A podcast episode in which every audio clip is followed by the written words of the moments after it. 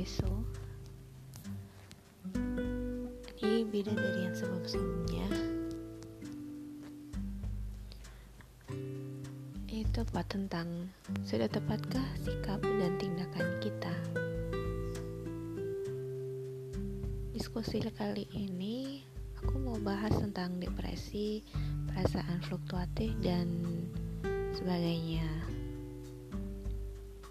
Oke langsung aja Depresi itu apa sih?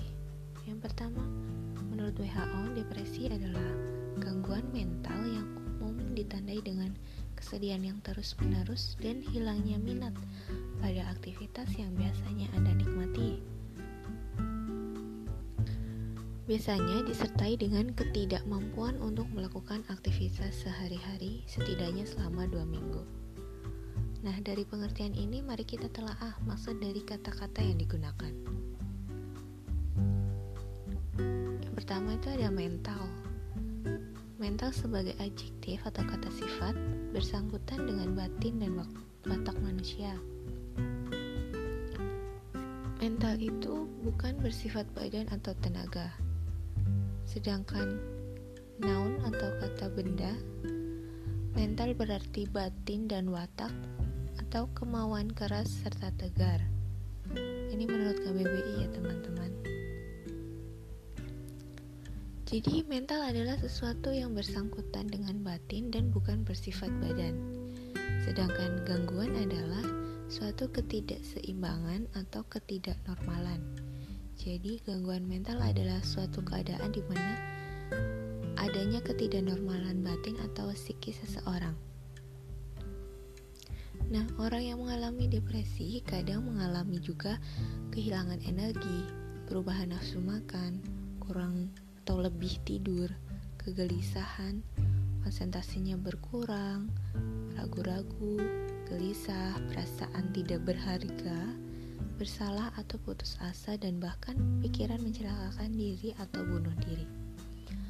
Dari hal-hal yang telah disebutkan ini, Bagaimana sih kita mengatur diri kita agar terhindar dari depresi? Yang pertama adalah kenali ciri-cirinya. Perasaan fluktuatif seperti sedih, senang, marah, sedih lagi sebenarnya itu normal. Namun apabila terjadi secara berkepanjangan, kita harus mulai waspada dan bertanya kepada diri sendiri, ada apa? Mengapa seperti ini? Dan jangan malu mengatakan bahwa Aku sedang tidak baik-baik saja sepertinya. Yang kedua, tetap berhubungan dengan orang-orang. Jangan menarik diri dari kehidupan. Ada kalanya me time itu perlu. Namun sewajarnya bagi manusia sebagai makhluk sosial untuk hidup berdampingan di masyarakat. Ketiga, menjaga diri atau merawat diri.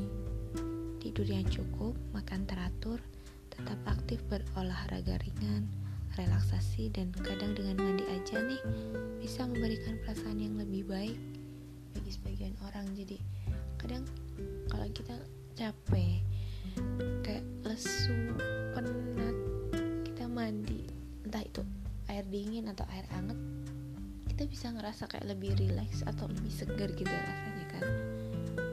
Selanjutnya bagaimana sikap kita terhadap seseorang yang mengalami depresi? Nah, sebagai contoh nih, di suatu ketika teman kamu menelponmu dan menangis. Kamu tidak tahu apa-apa dan apa yang akan kamu lakukan jika itu terjadi.